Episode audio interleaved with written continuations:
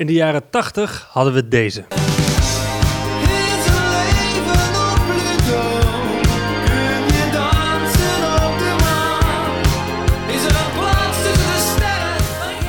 In de jaren 90 luisterden we naar deze hit.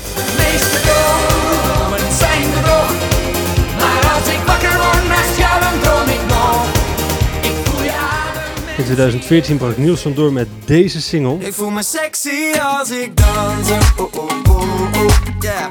Oh, oh, oh, sexy als ik dans. Hey. En dan gaan we nu naar 2020. Want misschien horen we dan wel dit. Niks dus.